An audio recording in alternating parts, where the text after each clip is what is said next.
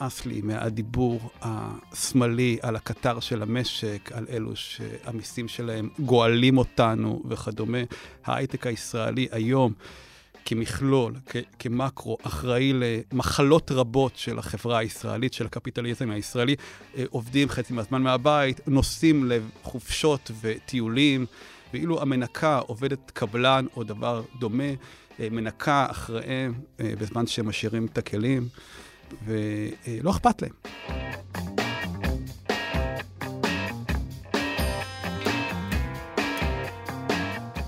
ברוכים הבאים למרקרים, פודקאסט סוף השבוע של דה מרקר. ההזדמנות שלכם לקחת פסק זמן ממחזור החדשות היומיומי ולצלול איתנו לאירועים, לאנשים ובעיקר לרעיונות מאחורי החדשות. כאן באולפן איתכם כבדי שבוע, ענת ג'ורג'י וגיא רולניק.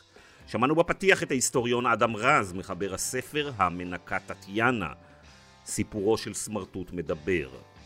שלום ענת. שלום גיא. נו, איך היה החופש? איפה הסתובבת בחום הזה? אה, האמת שנשארנו בארץ מכל מיני סיבות, ומאחר ורציתי לבלות עם המתבגר שלי, אה, מצאתי נוסחה, גיא, שאני ממליצה עליה לכל הורה למתבגרים, והיא לקחת אותו לסיורי אוכל. הוא אהב לאכול, בדרך הוא ספג קצת תרבות. אה, אני יכולה להגיד לך שאחד המקומות היותר מעניינים שהיינו בהם היה בדאלית אל-כרמל. הלכנו ככה לכל מיני מסעדות קטנות.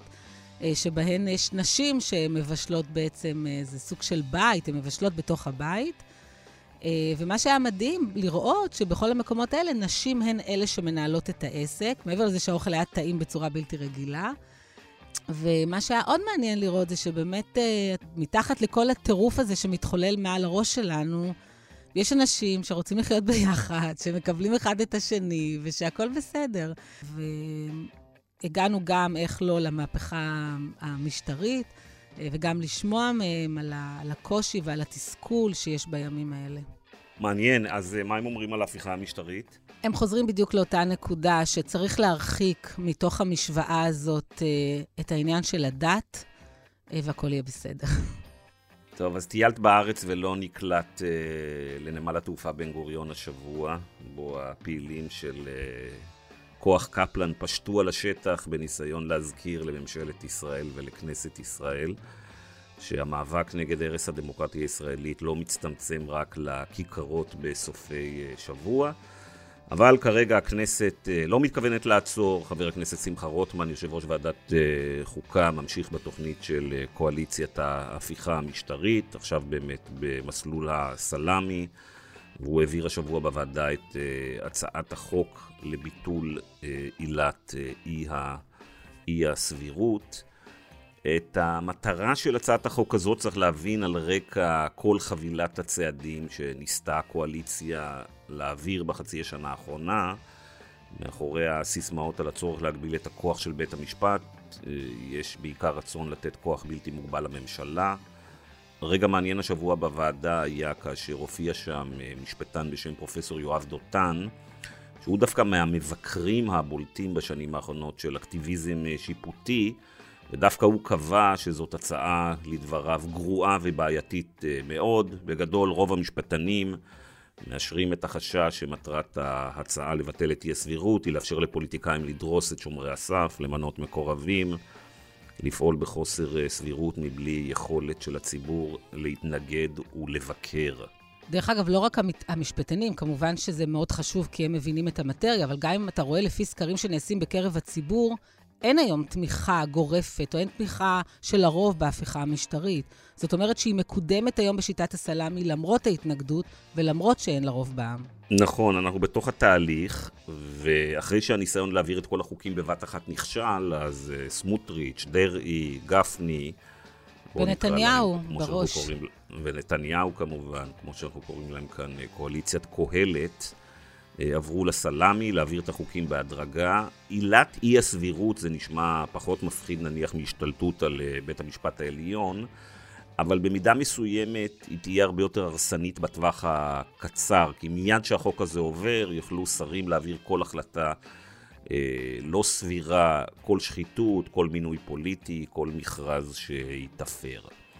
וכמו שאמרת, מה שמדהים הוא כמובן שאין לזה תמיכה בציבור. הסיבה היחידה שיש כאלה שחושבים שיש לזה תמיכה בציבור הוא כמובן שבסיוע הרשתות החברתיות והערוצים של השלטון ממשיכים להדהד כאן את המסר שזאת דמוקרטיה וזה רצון העם. באמת סקר של המכון הישראלי לדמוקרטיה הראה השבוע ששואלים את הציבור מה מטריד אותו, אז אחד, אנשים מדברים רק על נושא אחד, יוקר המחיה, 77% מהציבור מגדיר את זה כנושא החשוב ביותר וקובע שהממשלה נכשלה בטיפול בנושא הזה, ורק 25% מהציבור חושבים שצריך להמשיך בצעדי החקיקה. של ההפיכה וצריך להגיד, צריך להגיד עוד דבר בעניין הזה, גיא, שבעצם ה ticket שעליו הם רצו בבחירות האלה היה יוקר המחיה, וזה בעצם נושא שהוא כיום לא מטופל, הוא לא מטופל מספיק. אבל אנחנו באנו היום, גיא, לדבר על נושאים אה, יותר עליזים. על ספרות אה, והייטק. עליזים זה תכף נראה. הנושא הזה, הוא, הוא, הוא, יש בו גם תרבות וגם uh, fun וגם ביקורת מאוד חזקה. כן. מי שממשיכים להיות פעילים מאוד בארגון ובמימון של המאבק נגד חוקי קהלת, הם אלה שמכנים את עצמם מחאת ההייטק.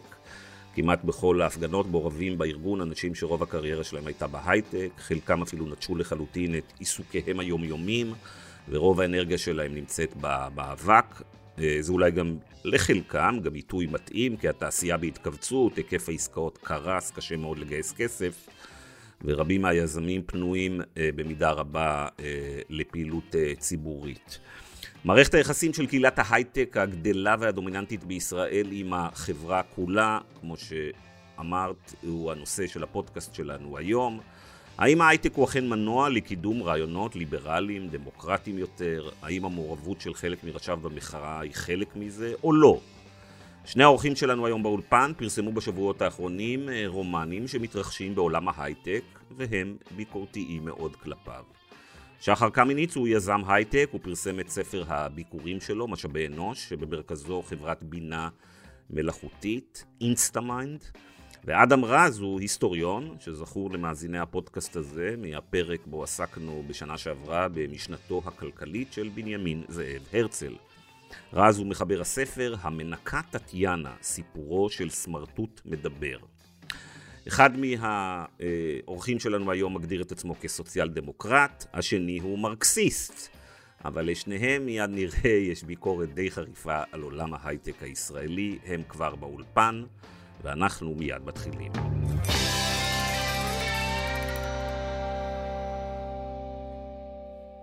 שחר אדם, לפני שנתחיל, תציגו uh, כל אחד את עצמו uh, בקצרה. תודה, שמי שחר קמיניץ, בן 53, אה, גר בתל אביב, מהנדס תוכנה במקצוע, עובד בתחום הייטק, אה, אני חושב בדיוק 30 שנה, התחלתי לעבוד כסטודנט.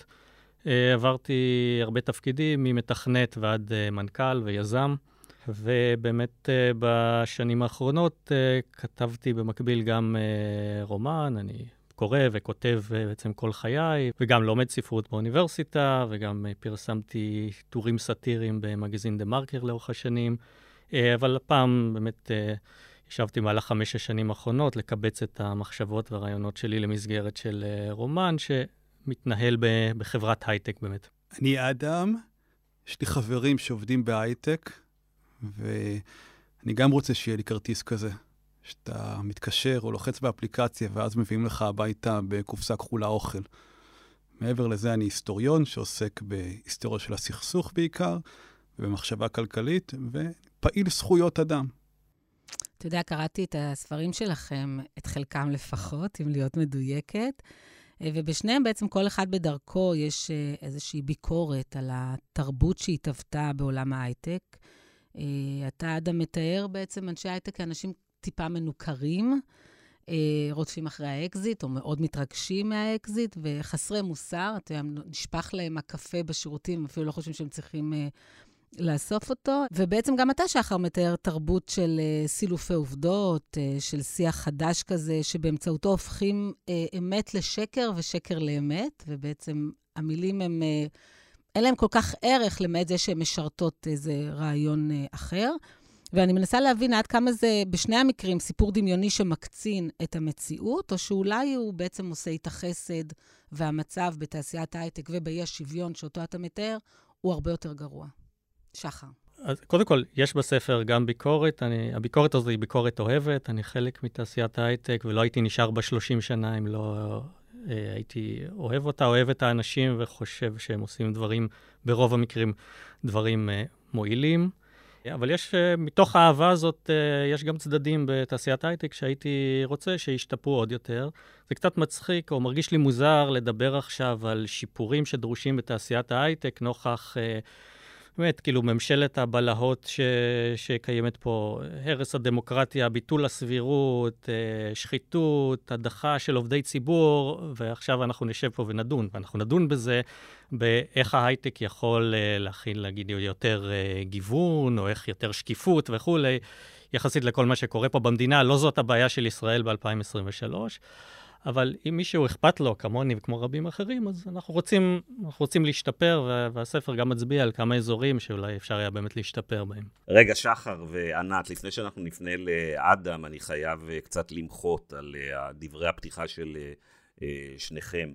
אני לא קראתי את כל הספר, קראתי חצי מהספר של אדם, וקראתי את הארבעה פרקים, חמישה פרקים הראשונים בספר שלך, אבל להגיד אה, שזה ביקורת של אה, אוהב, זה לא מתחבר עם מה שקראתי בספר. אולי בפרקים בהמשך זה משתנה, אבל אתה מציג את ההייטק כתעשייה של שקרים ושל הונאה, הביטוי שקר כלשהו, היזם כל הזמן מדבר על זה ש...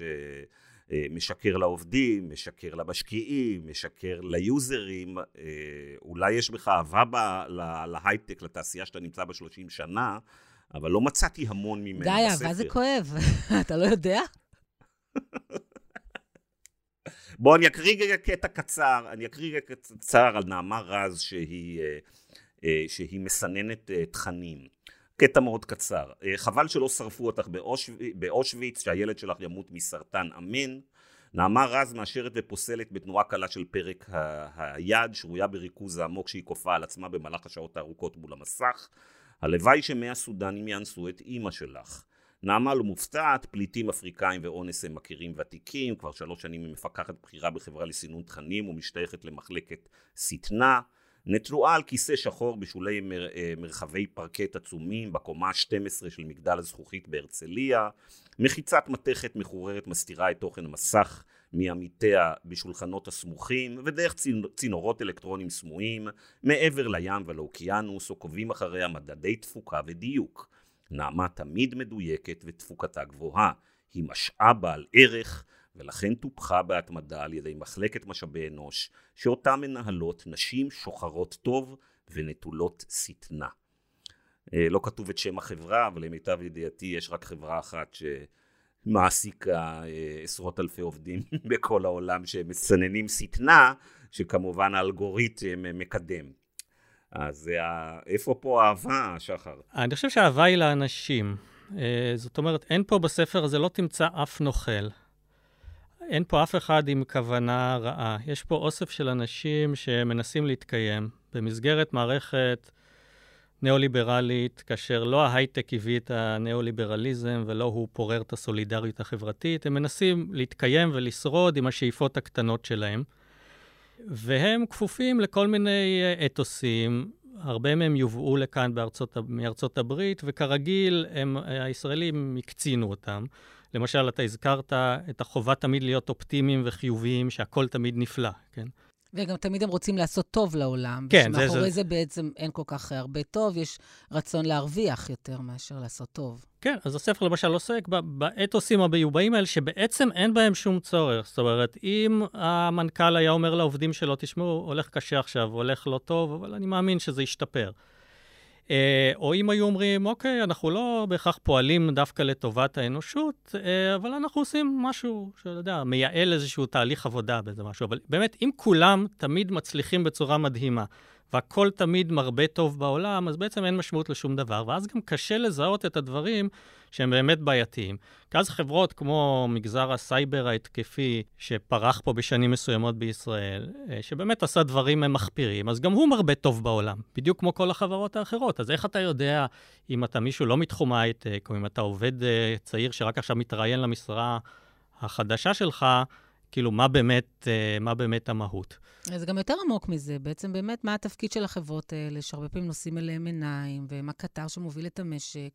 ובסופו של דבר אתה רואה שיש שם הרבה מאוד אה, פעולות ודברים שיכולים לגרום נזק. אני חושב שרוב חברות ההייטק, אה, בסופו של דבר, או שעושות דברים שהם מועילים, אוקיי, צריך להסתכל, בכל זאת, יש חברות לא מעטות בישראל שפועלות בתחום הרפואי, גם עם בינה מלאכותית. ואלה דברים שיכולים להציל חיים, מציאת תרופות, דברים כאלה. גם חברות סייבר, נגיד שאולי זה המגזר הכי גדול בישראל, אני לא סייבר, ובסופו של דבר מגינים על הטובים מפני הרעים, כן? העניין הוא שצריך לשים את הזרקור על הדברים האלה, כן? כלומר, צריך להיות יותר מודעים, ל... אה, צריך להיות יותר נפוץ, אוקיי, מה התועלת שהמוצר שלך מביא לאנושות? כי אם אתה מרבה פרסומות בעולם, אוקיי? אז, אה, אז זה לא שקול לחברה ישראלית מאוד מרשימה שיצא לי להקים אותה, שבאמצעות בינה מלאכותית סורקת בדיקות הדמיה ויכולה לגלות שם דברים שאולי רופא פספס. אה, אדם? מה? אז בעצם... שמעתי. בוא נדבר על הביקורת של, על העולם ההייטק שמגיעה מהצד שלך, ובעצם היא מגיעה מהצד של המנקה. אני שואל שאלה פשוטה. מי מנקה אחרי ההפגנות של ההייטקיסטים בקפלן? מי מנקה ושוטף אחריהם במשרדים? הספר שלי הוא ניסוי ספרותי שמנסה לתאר את חייה של מנקה שמשתכרת שכר מינימום, אה, ומערכת היחסים שלה עם אה, סדרה של הייטקיסטים שמחליטים לחרב את המשתנה הציבורית במרכז המסחרי שהיא עובדת פה ליד אה, חברת הייטק, כמה חברות הייטק. הם לא סופרים אותה, הם לא יודעים מי, הם חיים בעולמם. הם לא יודעים שהיא קיימת. כן. אומרת, לא ברור להם בכלל. ברור, עכשיו, זה כמובן לא רק אה, הייטקיסטים לא יודעים מי המנקה שמנקה נכון. את השירותים גם בבית שלהם, אה, או מי הפלסטיני או האתיופי שמנקה את הרחוב מתחת לבית שלהם, אבל היה סיבה למה בחרתי פה ללכת אה, להתמקד בהייטקיסטים. אז היא באמת יוצאת גם למסע נקמה בעקבות סדרת אירועים שמתרחשים במשמרת נוכחית במשתנה שהיא מנקה. וגם היא מגלה, היא מגלה את הדבר הסודי, הסודי ביותר, יותר מהכור בדימונה, אה, הדבר הקשה ביותר, וזה אה, לאחד ההייטקיסטים נפל, זה כמו, היום כבר לא נופל תלוש משכורת כי הוא לא מודפס, אבל אני, אני עובד, אני עובד, אני עובד ב...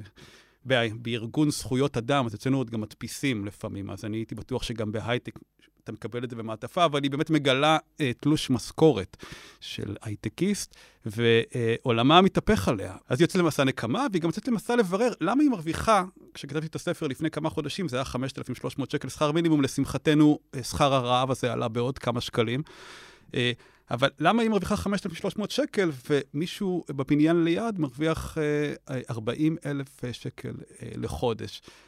אפשר לדבר באמת על טטיאנה, כי זה ספר פרוזה, זה לא, זה לא ספרות אה, אה, מחקרית, אבל אני, אה, נמאס לי מהדיבור השמאלי על הקטר של המשק, על אלו שהמיסים שלהם גואלים אותנו וכדומה.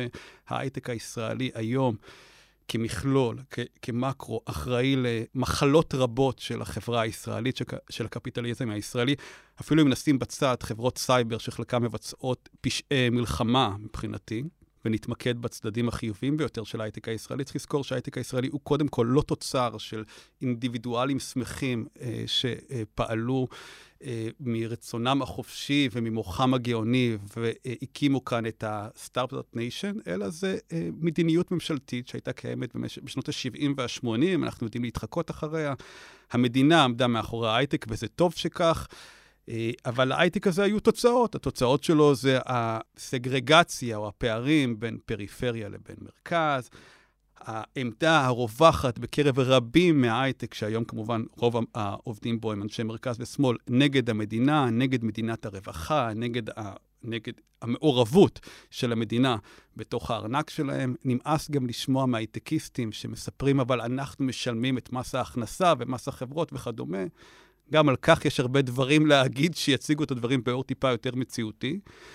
הסנטימנט של רבים בהייטק הוא נגד, ה, הוא נגד המדינה, ובאמת, אה, השמאל ההייטקיסטי הפך להיות משמאל מעמדי לשמאל משכיל, אה, שפחות אכפת לו מתלוש המשכורת של טטיאנה אה, הרוסייה שלנו, או פאטמה הפלסטינית, או אני יודע, אינדירה מהודו, ויש לנו עוד ועוד.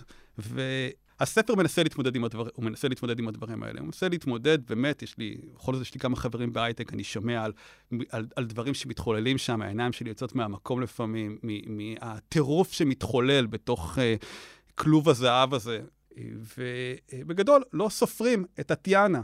אני שומע על חברות שבהן עובדים עשרות ומאות אנשים, אה, עובדים חצי מהזמן מהבית, נוסעים לחופשות וטיולים.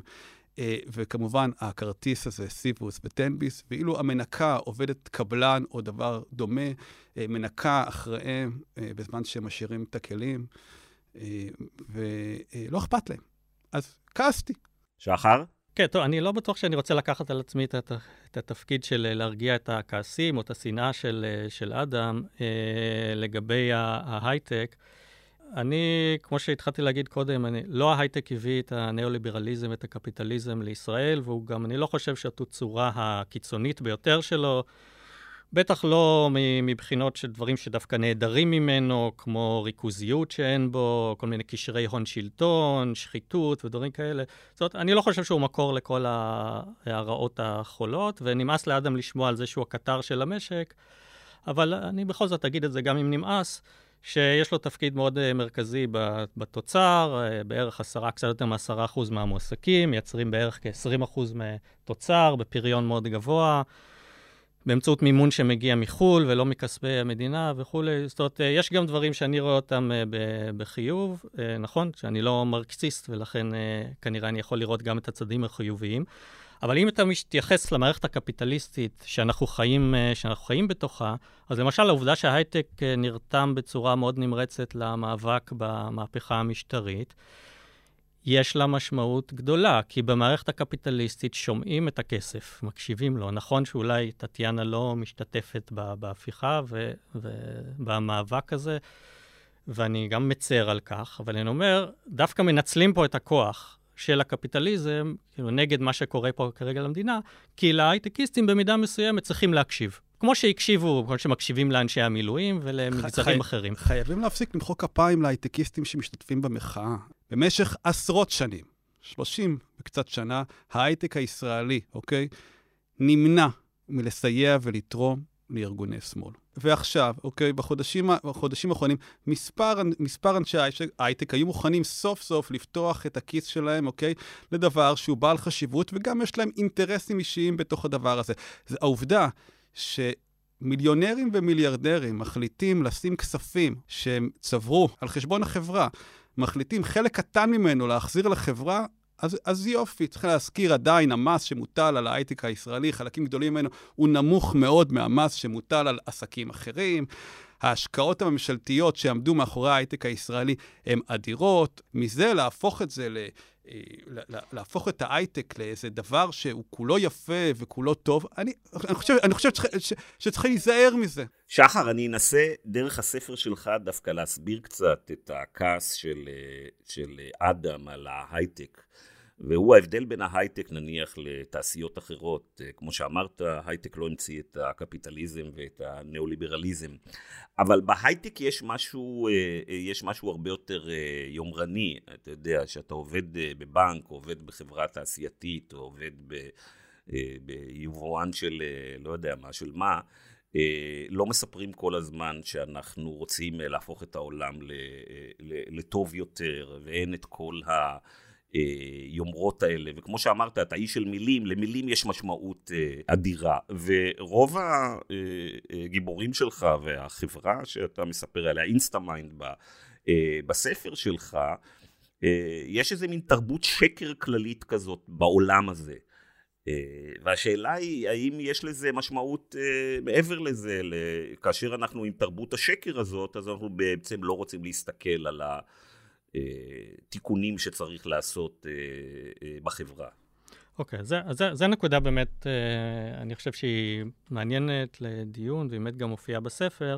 יש תרבות בוודאי של הגזמה, אוקיי? Okay, של הפרזה, בעצם הפרזה היא הנורמה, וכשהפרזה היא הנורמה, אז בשוליים, שאולי הם לא כל כך צרים, זה גולש גם, ל, גם לשקר, כן? זאת אומרת, אם נקרא, baseline שלך הוא הפרזה. עכשיו, זה מעבר להפרזה, שחר. אני אתן דוגמה למי שלא קרא את הספר, שאני אגב אה, מאוד מאוד נהניתי מהפרקים שבספייב הספקתי אה, לקרוא. בחברת פרנדלינק, שזה סוג של איזה וריאציה על פורנו, עושים שם, אתה מספר שם שיש מפגשים שבהם עוסקים בהעצמת נשים. שמפרטים שם בימי חמישי את החזון החברתי של החברה. אי אפשר לקרוא לדבר הזה הגזמה בחברה שמנצלת אה, אה, נשים, יש אה, מפגשים על העצמת נשים.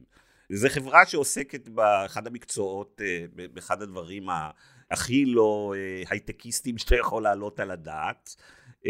הכי ותיקים שיש, סוחרים שם בנשים בדרך וירטואלית ולא משנה, אבל הם מספרים לעצמם שהם אה, מעצימים אה, נשים, ושהם קוראים לעצמם שם, אה, אנחנו חלק מהטרנד הגדול של כלכלה שיתופית, עונים על הצורך הגדל בבידור איכותי באמצעות פלטפורמה פתוחה ושוויונית. זה לא הגזמה. ברור, אז אלה בדיוק השוליים שאמרתי, שמתוך ההגזמה אתה גולש פה לדברים איומים ונוראים. לכן גם העמדתי את החברה הזאת בתור איזה תמרור אזהרה. כן, לאן הדרך הזאת מובילה, מובילה לא רק בתיאוריה, אלא גם בפועל במקרים מסוימים, ו- ויש גם את חברות, למשל, הסייבר ההתקפי הישראלי, שזה כאילו זוועה, כן? אבל עמדת, על, אני חושב, על נקודה חשובה, שההייטק הוא לא רק משרד רואי חשבון. זאת אומרת, היומרות הן הרבה יותר גדולות. ולא רק היומרות, אלא גם במציאות, זה מה שקורה. כלומר, אתה מסתכל מי משפיע על חיינו היום, במידה רבה זה טייקוני אה, הייטק, כן? אה, כל מי שאחראים לסמארטפונים ואחר כך לרשתות החברתיות, יש להם השפעה שהיא גדולה כנראה הרבה מראשי מדינות, מרוב ראשי המדינות בעולם. כלומר, יש להם גם יומרה וגם בפועל מה שקורה הוא שהם משפיעים על התרבות ועל החברה בצורה, בצורה דרמטית. עכשיו, מי הכשיר אותם בכלל לזה? זאת מה הרקע התיאורטי שלהם? כמה זמן מזמנם הם מקדישים כדי לחשוב בכלל על ההשלכות האלה? ואולי ברגע שהם לקחו על עצמם את האחריות לעשות את זה, כמו שאדם אומר, מחויבת מהם, הם מחויבים אולי למוסר יותר משמעותי וליחס אחר, למנקות שעובדות. הם מחויבים לרווח, כי הם, זה, זה, אנחנו בתוך המשחק הקפיטליסטי, לא מעניין אותם כרגע רווחה וערכים. אבל הם, הם לוקחים על עצמם, זה לפי, לפחות לפי הספר, בטרמינולוגיה שלהם, לעשות טוב לעולם. ככה הם אומרים, בנקאי לא אומר, אני בא לעשות טוב לעולם. עכשיו, אני, אני יכול להגיד מתוך היכרות עם כמה מהם, אוקיי, לא, לא כולם, אבל כמה פגישות שהיו לי איתם, שיש להם באמת שכנוע עצמי, כמו שאמרתי, ולכן הנקודה פה היא עדינה, לא מדובר בדוח... ולכן אולי אפשר להבין את הכעס של אדם, כי אם יש פה שכנוע נכון. עצמי ומנסים כן, כן. למכור כן. איזה רצון לשנות את העולם, אז אתה לא יכול להתייחס ככה למנקה. נכון, לכן לא מדובר באיזה ארכי-נבלים בהכרח, מדובר באנשים ששכנעו את עצמם, למשל, שרשתות חברתיות אה, מחברות את כל האנושות אה, יחד, כן? כלומר, אני לא חושב שהם היו יכולים להמשיך לעשות את זה מתוך uh, מודעות מלאה לזה שהם בעצם עסקים לדחיפת פרסומות. כן. אני לא כועס או שונא. לא, אתה כועס. לא, יש לי ביקורת על כך ש... יש ויכוח האם רבע או שליש מהעובדים במשק מרוויחים שכר מינימום, 5,500 היום. הפערים שהולכים ומתרחבים, כלומר, זה נושא שעליו צריך אבל לדבר. אבל למי אתה בא בטענות? אני... לתעשיית ההייטק, למדינה? למי אתה בא בטענות? מי ב... אחראי לצמצם ב... את הפערים? ברוך השם, אמא תמיד אומרת, יש לך ביקורת על כולם. אבל היום התכנסנו לדבר על ההייטק. אני בהחלט חושב שלהייטק יש גם אחריות. אני לא עושה כאן בהיררכיה למי יותר, למי פחות ו- וכמה ואיך, אבל יש בהחלט תופעה, שאני לא קראתי את ספרך, הוא נשמע לי מרתק ומעניין. אך בהחלט יש תופעה שהיא תופעה שהיא לא רק אה, פוליטית ולא רק כלכלית, אלא סוציולוגית, אוקיי? מתחולל דבר מסוים. אותם חבר'ה, בני 20 ו-30 ו-40, שמרוויחים 30 ו-40 אלף שקל בחודש, לדבר הזה יש תוצאות על החברה. יש תוצאות על הסנטימנט שלהם כלפי מדינת הרווחה. זה, זה, עכשיו, זה מה שטטיאנה יוצאת לברר. הרי אה, יש לכל אחד תלוש משכורת. תלוש המשכורת זה סוד מדינה. אגב, אדם רז, 13,000. אוקיי? אתה יודע שגם אתה אומר את זה בספר, ככל שבן אדם מרוויח יותר, ככה יש לו פחות נכונות לחשוף כמה הוא מרוויח. ברור. וככל שבן אדם מרוויח פחות, אין לו שום בעיה שכולם ידעו את זה. זה, זה, זה, זה, זה, זה דבר מדהים. כלומר, התלוש משכורת באמת הפך להיות מבטא את ערכו של בן אדם. והיום אתה... אני עובד בארגון אה, חברה אזרחית ומכון עקבות, והרבה פעמים שואלים, בעיקר מהימין, מאיפה הכסף? מאיפה הכסף? תמיד כששואלים אותי, אני אומר, תגיד, כמה אתה מרוויח? פתאום הם הולכים. הם לא מוכנים, לה... אדם לא מוכן לענות על זה. טטיאנה לא מתביישת, היא מפחדת, כי היא עוסקת בשרידה. וזה הדבר שמלווה את הספר. כלומר, יש, יש, אנחנו חיים בחברה שפה יש אנשים, שליש מהחברה, מהעובדים, מרוויחים שכר מינימום. זה האנשים שאחרי זה אוספים את הפחיות שאנחנו משאירים, חלקנו מחוץ לבית. וזאת חברה רעה. טטיאנה בעצם כל ערב אה, אוספת בקבוקים למחזור כדי להרוויח מהם עוד כמה שקלים. כי היא מפחדת עליה ועל ילדיה, כי היא עוסקת בשרידה. ואז כשאני שומע שבמאנדיי יש דבר, גם למדתי מילה, זה נקרא חדר מייקרים. לא ידעתי מה זה. זה חדר שבו אם אתה נמצא באיזה עומס, אתה יכול, יש לך נגריה שם, או יש לך כל מיני פינות יצירה וכדומה, זו מילה אדירה. אגב, הלוואי, הלוואי בכל מקום. איך מתקבלים להייטק? אז, אז, אז אה, יש חדר, יש חדר מייקרים שבו, כלומר, אנשים שפוקדים את חדר המייקרים, מה הם חושבים על טטיאנה שאוספת פחיות? אני אומר, הפערים הללו, אוקיי, כל כך גדולים, שקשה לעמוד מהצד ולא לכעוס אם את רוצה. האם הבן אדם הבודד שנמצא ועובד בחברת מאנדיי או בוויקס או בנינט או אני לא יודע מה, האם הוא אשם על המצב? האם הוא מבשר הניאו-ליברליזם? ברור שלא. אף אחד הוא לא מבשר הניאו-ליברליזם. אדם, יש לך ביקורת אה, חריפה מאוד על ההייטק, אבל, ואתה מציג אותה דרך הפערים של השכר, אבל אני רוצה רגע לפתוח את הדיון הזה, וזה אולי גם אה, אה חלק מהספר של...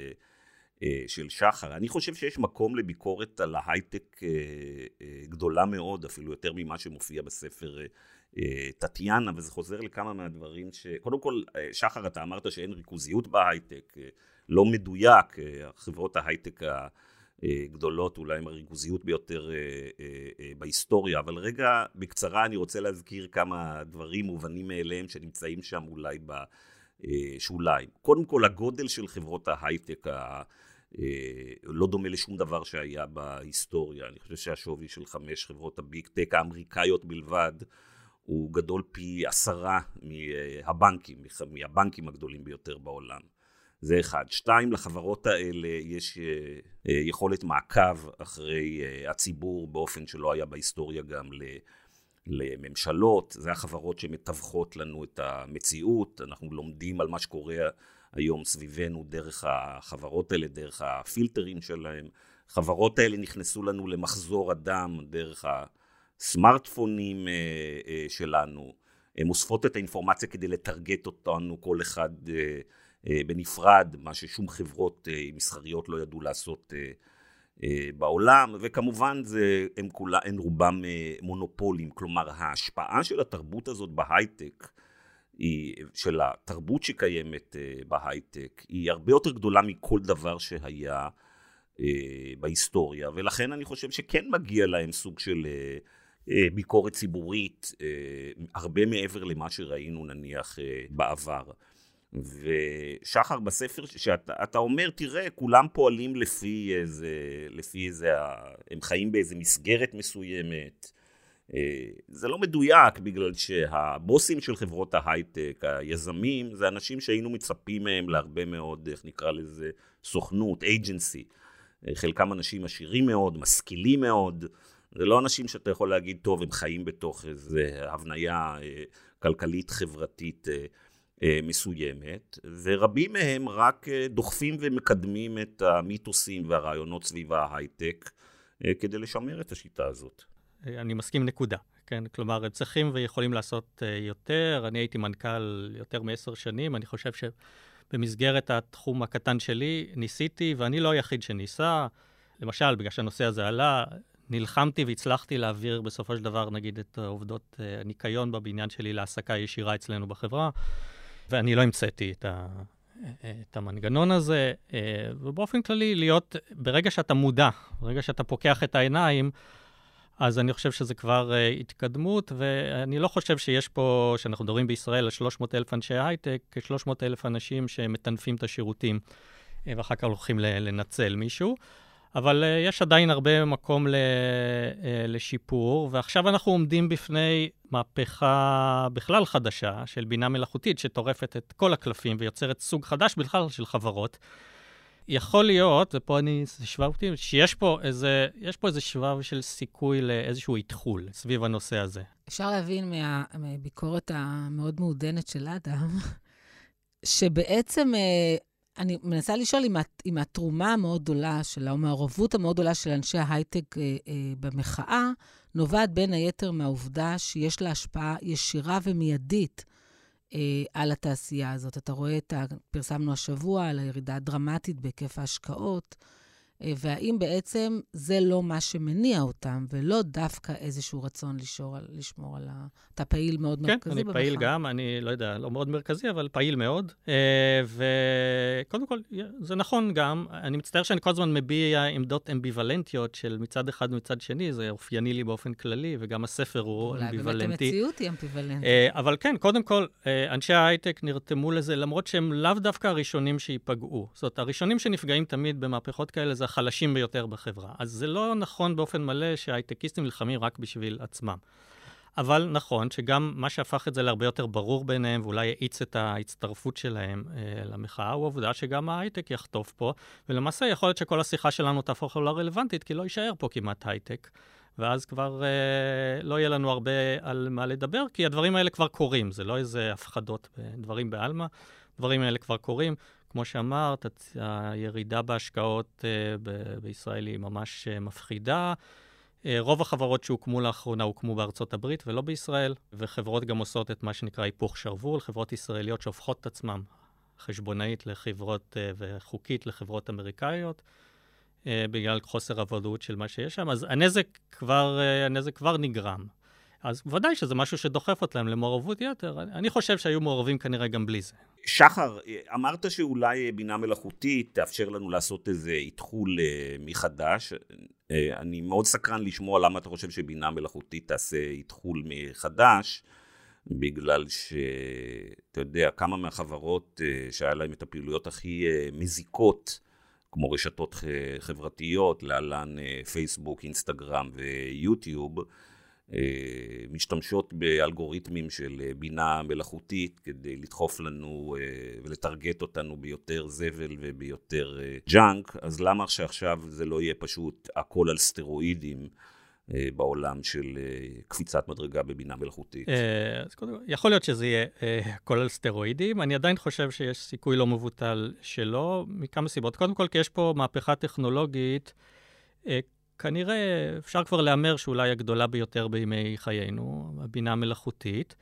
ואתה רואה שיש הרבה יותר מודעות כבר עכשיו, אנחנו ממש בתחילת הגל הזה, כבר עכשיו, להיבטים, למשל, החברתיים ולסיכונים של בינה מלאכותית, הרבה יותר מודעות מאשר היה בתחילת ימי הרשתות החברתיות, או בתחילת ימי הסמארטפונים, כנראה גם בגלל הניסיון שנלמד. זאת אומרת, כשמתחיל כרגע גל חדש, הוא גם יצמיח גל חדש של חברות, אני בטוח בזה לחלוטין.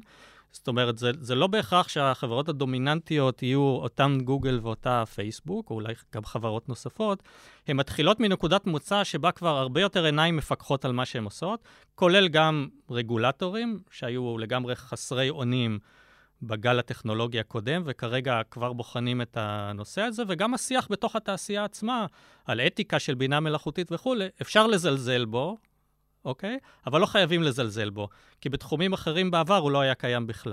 זאת אומרת, בשלב מוקדם של המהפכה הזאת, כאילו כבר יש, נשקלים כבר אה, היבטים שהם... אה, שיכולים לעצור את זה מ- מלהידרדר. מצד שני, יכולות ההרס של תעשייה כזאת הם הרבה הרבה יותר גדולים. נכון, הרבה חושבים ככה, אני לא חושב ככה. אני חושב שיכולות ההרס הן יכולות הרס של בני אדם, לא של טכנולוגיה. אבל, אבל שחר, אמרת שזה של בני אדם, ואני מסכים איתך. העניין הוא שכנראה הבינה המלאכותית אה, תהיה, אה, זה, שהיא מצריכה הרבה מאוד אה, משאבים של חישוב. אתה גם כותב על זה בספר שלך, הספר שלך במידה מסוימת מקדים את זמנו בנושא של ה... הבינה המלאכותית, אני מניח שכתבת אותו לפני, את רובו לפני כן. צ'אט GPT, אבל הוא כבר מתכתב עם מה שקורה בחודשים האחרונים, אז אה, בלי לתת תחזיות, כנראה שגוגל ופייסבוק ואמזון ו... ומייקרוסופט, מייקרוסופט בוודאות, כי היא קנתה את, אה, את OpenAI, הן החברות אה, שישלטו בתעשייה הזאת. ואם אנחנו מסתכלים על העשר שנים האחרונות, אנחנו רואים שגם בשלב שכבר הבנו את הנזק וההרס של החברות האלה, החברות האלה הצליחו לכופף ברוב הזמן את הפוליטיקאים ואת הרגולטורים. אז למה שעכשיו עם בינה, ברור שהם למדו שצריך להגיד, אה, אה, לדבר כל הזמן, כמו ששמענו את סם אלטמן מדבר, על הצורך ברגולציה, אבל הם אומרים צורך ברגולציה, אבל בדרך, בדרך כלל הם מתכוונים לרגולציה רק שתחסום מתחרים, הם לא מתכוונים באמת לרגולציה שתרסן. אה, אה, אותם. ואני חושב שעדיין אני מרגיש שעשר שנים לתוך העלייה של המונופולים הדיגיטליים, עדיין כולנו אה, מדברים את השפה הזאת, כאילו שטכנולוגיה היא המנוע, לבדה היא המנוע של הקדמה, ואי אפשר להתנגד לה, ורק צר... ואנחנו רק צריכים אה, להתאים אותה, ומתעלמים ממה שלמדנו אה, לאורך ההיסטוריה, שטכנולוגיה תמיד שימשה בידי אה, אליטות בשלטון ובהון כדי לבצר את הכוח ומעמד שלהם וללכוד יותר ויותר מהעושר, כמו שראינו בעיקר בעשר שנים האחרונות, ורק כאשר מוסדות דמוקרטיים מתערבים לרסן ולנווט את הטכנולוגיה לצרכים של הציבור, אנחנו נהנים מהטכנולוגיה. והנרטיב הזה שהטק אוטופיה הוא היום, בעיקר אגב בישראל, הוא יותר דומיננטי מאי פעם. אגב, התיאור הזה שתיארת עכשיו, גיא, מה הוא שונה ממה שאנחנו נמצאים בו כרגע? יש קונצנזוס מקיר לקיר של אה, חוקרי מחשב, מדעני מחשב ומתחומים מקבילים שהבינה המלאכותית היא אחת הסכנות הגדולות שעומדת לפני החברה האנושית. אה, ומכיוון שחלק, רובו של, ה, של הבינה מנוהלת על ידי עסקים פרטיים, הון פרטי, כלומר, האכפתיות שלהם מהחברה היא, היא, היא גם ככה מזערית, אה, לא ברור מאיפה האופטימיות הזו. אם מסתכלים על ספרו האחרון של הנרי קיסינג'ר, הוא רואה בבינה המלאכותית כרגע בתור הסכנה הגדולה ביותר לאנושות. יש אנשים שחושבים שפוליטיקאים מסוגו של הנרי קיסינג'ר היו במשך עשרות שנים סכנה ל- ל- לעולם. אפשר לדבר על אה, קיסינג'ר וניקסון וקמבודיה והפצצה האטומית. אני אומר שהאנושות מלמדת שהכוח שנמצא בידי ההון הפרטי, לא מתועל בצורה וולונטרית, אוקיי? לטובת החברה, אלא כמו שאתה אמרת, צריך מדינה חזקה. ואם חוזרים למה ש... לטטיאנה שלנו, הסנטימנט של רבים בתוך ההייטק הוא נגד מדינה חזקה, כי תלוש המשכורת שלהם, אוקיי, תלוי בכך שתהיה מדינה חלשה. שחר? חזרה לבינה מלאכותית, לשאלה על האופטימיות, האם צריך אה, עכשיו להיות אופטימיים על בינה מלאכותית, או להגיד, תראו, עשר שנים עמדנו מנגד מול, אה, מול הביג טק אה, שזרע הרבה הרס, אז למה שזה יהיה שונה עם הבינה המלאכותית? אז אני מסכים לגמרי לחלוטין עם תיאור המציאות שלך, גיא. אני חושב שאני יותר אופטימי פשוט בדיוק מהסיבה הזאת, שאני חושב שהמוסדות, כלומר המדינות, למדו במידה מסוימת את הלקח, והאזהרות והעצומות וכולי, שכרגע אנחנו מדברים עליהם, הם בכל זאת איזשהו סימן למודעות, וסביר להניח שהאיחוד האירופי כנראה יקדים אולי קצת אה, במגבלות שהוא יטיל וכולי, אבל אני חושב שכבר נעשים עכשיו דברים שלא נעשו לפני עשר שנים, וזה, מי שמתעקש להיות אופטימי, ואני, ואני כזה, יכול לראות בזה סימנים, אה, סימנים מבטיחים. ובאופן כללי, הבינה המלאכותית כן, יש לה פוטנציאל גדול. אנחנו מדברים הרבה על צ'אט GPT וכולי, אבל למשל בתחום הרפואי, בתחום של גילוי תרופות וכולי, היא יכולה להביא גם הרבה טוב לאנושות. כלומר, לא מדובר פה ברע המוחלט. א', זה מדויק, כנראה שבאמת הבינה המלאכותית יכולה לעשות דברים מדהימים בתחום מערכת הבריאות. אבל אם לחזור למדינה החזקה שאדם אה, מדבר עליה, אז אה, ארצות הברית זה המדינה עם מערכת הבריאות ה...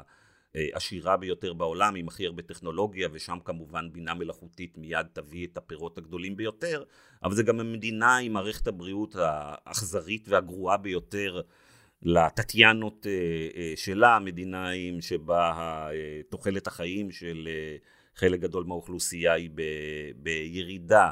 השאלה היא האם כדי לשפר ולקדם את מצבו של רוב האוכלוסייה אנחנו זקוקים לעוד ועוד טכנולוגיה, או שאנחנו בעצם זקוקים למוסדות אה, מדינתיים אה, מכלילים יותר. בטוח שאנחנו צריכים אה, מוסדות מדינתיים חזקים יותר, ובכלל מדינה חזקה יותר. שהרבה יותר תטיל את מרותה על הטכנולוגיה, לא כדי לעצור את ההתקדמות הטכנולוגית, שפה אני לא, לא נמצא במקום הזה, אלא כדי שתוכל לתעל אותו לאפיקים שבסופו של דבר יהיו יותר מועילים לציבור, וזה נושא שהמדינות כשלו בו בצורה מחפירה. אה, אז השאלה היא, מאמינים שיחול בזה איזה שינוי? אז נסיים רק בשאלה הזאת. שניכם, אה, אדם ושחר, אתם נמצאים בתוך המחאה החברתית, מגיעים להפגנות, פעילים בדרך זו או אחרת, כל אחד מהזווית שלו. אה, ההייטקיסטים שפעילים במחאה, קודם כל, מי הם? האם זה היזמים? האם זה המנכ"לים? האם זה העובדים עצמם? ועד כמה אה, החזון שלהם לישראל יותר דמוקרטית ויותר ליברלית מוגבל רק לעניין של אנחנו לא אוהבים את הימנים האלה שמנסים להשתלט פה על המדינה, אה, או הוא חזון שמבין שגם להייטק יש איזה חלק בתהליכים האנטי דמוקרטיים והאנטי ליברליים שהתרחשו בארץ ובעולם בעשורים האחרונים. שחר. לגבי, לגבי הייטקיסטים, אני מתרשם שכולם, הם מפגינים, זאת אומרת, זה לא מתרכז דווקא בשכבת ההנהלה או בקרב היזמים, אני פוגש שם את uh, בעצם כל, כל סוגי עובדי ההייטק. המחאה כרגע, אחד הדברים שהיא עשתה זה שהיא חיברה גם את ההייטקיסטים לאספקטים אחרים שאולי הם לא חשבו עליהם, פשוט uh, כי הם עומדים צד לצד עם, uh, עם עוד גורמי מחאה שחושפים אותם לאספקטים אולי בחברה או בפוליטיקה הישראלית שלא בדיוק היו במודעות שלהם. והעובדה למשל שנוכח שם גם, אני לא חושב שזה הפך לקונסנזוס, כן, לא נרחיק לך, אבל שהמחאה נגד הכיבוש גם נוכחת ב, אה, במחאה הזאת, יש לה, יש לה משמעות, כן, זה לא איזו תזוזה אדירה, אבל זה בהחלט דברים שעולים, לה, דברים שעולים למודעות. אה, האם ההייטקיסטים חושבים בעקבות המחאה של ההייטק יש חלק באחריות לזה? אני לא, אני לא חושב. אני רק אציין שזה לא שהגוש נגד הכיבוש גם נוכח שם, אלא הגוש נגד הכיבוש היה מההתחלה, ובהמשך הצטרפו הייטקיסטים, מכיוון שהגוש נגד הכיבוש חושב שבמאבק בשביל חברה דמוקרטית, ליברלית, צריך לשים גם במרכז את העובדה שישראל שולטת בעם אחר באמצעות כלים שפותחו בהייטק הישראלי. ולכן אנחנו שמחים שמשתתפים במחאה הזאת קבוצות וקהלים שונים. מצד שני, קשה להתעלם מכך שנמצאים אלו שמוצאים במחאה של הגוש נגד הכיבוש דבר שפוגע במחאה. אה, אני חלק מהגוש נגד הכיבוש ומפגין, ומפגין בו. אני כמובן לא יודע אם כל בוז או אה, קריאת פוסטר ודגל שמתבצעת על ידי אנשים שהם לא מהגוש, מפגינים הכוונה, לאנשי הגוש, האם זה אנשי הייטק או לא. אך קשה מאוד להתעלם מכך שאנשי הייטק לאורך שנים ארוכות מאוד ועד היום לא לוקחים חלק בתפקיד, והם יכולים לקחת תפקיד חשוב מאוד, לא רק בשיפור מעמדם של הטטיאנות בתוך הקו הירוק, אלא גם מעבר לקו הירוק. אלא ניכר שההייטק הישראלי כרגע שותף מלא לפרויקט של מדינת אפרטהייד. אוקיי, אני חושב שהסיום של הדברים האלה, למאזינים שלא קראו את הספרים, מי שרוצה לדעת מה הסגנון של שני הספרים, מבין את זה גם מה, מהפודקאסט. אני נהניתי משני הספרים, ממליץ עליהם אה, אה, מאוד. אצל אה, שחר אה, זה יותר אה, בין השורות, אצל אדם זה קריאה הרבה יותר קשה, אבל, אבל אני חייב לציין שהיתרון של הקריאה הקשה הזאת של טטיאנה, שזה באמת, יש שם הרבה שורות שנותנות בוקס בבטן. אה, וזה חשוב אה, אה, מאוד. אצל שחר לומדים גם המון דברים, לא רק ביקורת על העולם, אלא גם לומדים הרבה מאוד דברים על, על הייטק, על תרבות תאגידית, על יזמים. תזכיר, גיא, שרק הייטקיסטים משלמים על הספר. נכון, אז רציתי להוסיף שני דברים, גיא, שבשני הספרים יש הרבה הומור. זאת אומרת, הם ספרים קשים לעיכול אולי, יש בהם הרבה ביקורת, אבל בשני המקרים מצאתי את עצמי גם צוחקת אה, בקול, ואצל אדם, אני רוצה להגיד שאתה גם בעצם עשית עוד דבר, והחלטת שמי שמרוויח בין 5,000 ל-18,000 שקל, נדמה לי, לא משלם על הספר, הוא בעצם יכול להקליק על, אה, לקריאה בלבד, ללא תשלום, ומי שמרוויח מעבר לזה צריך לשלם, כשבעצם אתה לא עוקב אחרי זה, אלא אתה ככה סומך על האנשים ומאפשר להם, ואני רוצה להגיד, בלי לחשוף כמה אני מרוויחה, אה, שבסופו של דבר אה, אני שילמתי על הספר, וגם מאוד נהניתי אה, לקרוא אותו. שחר קמיניץ ואדם רז, תודה רבה שבאתם לאולפנינו. תודה, תודה רבה. רבה לשניכם. תודה.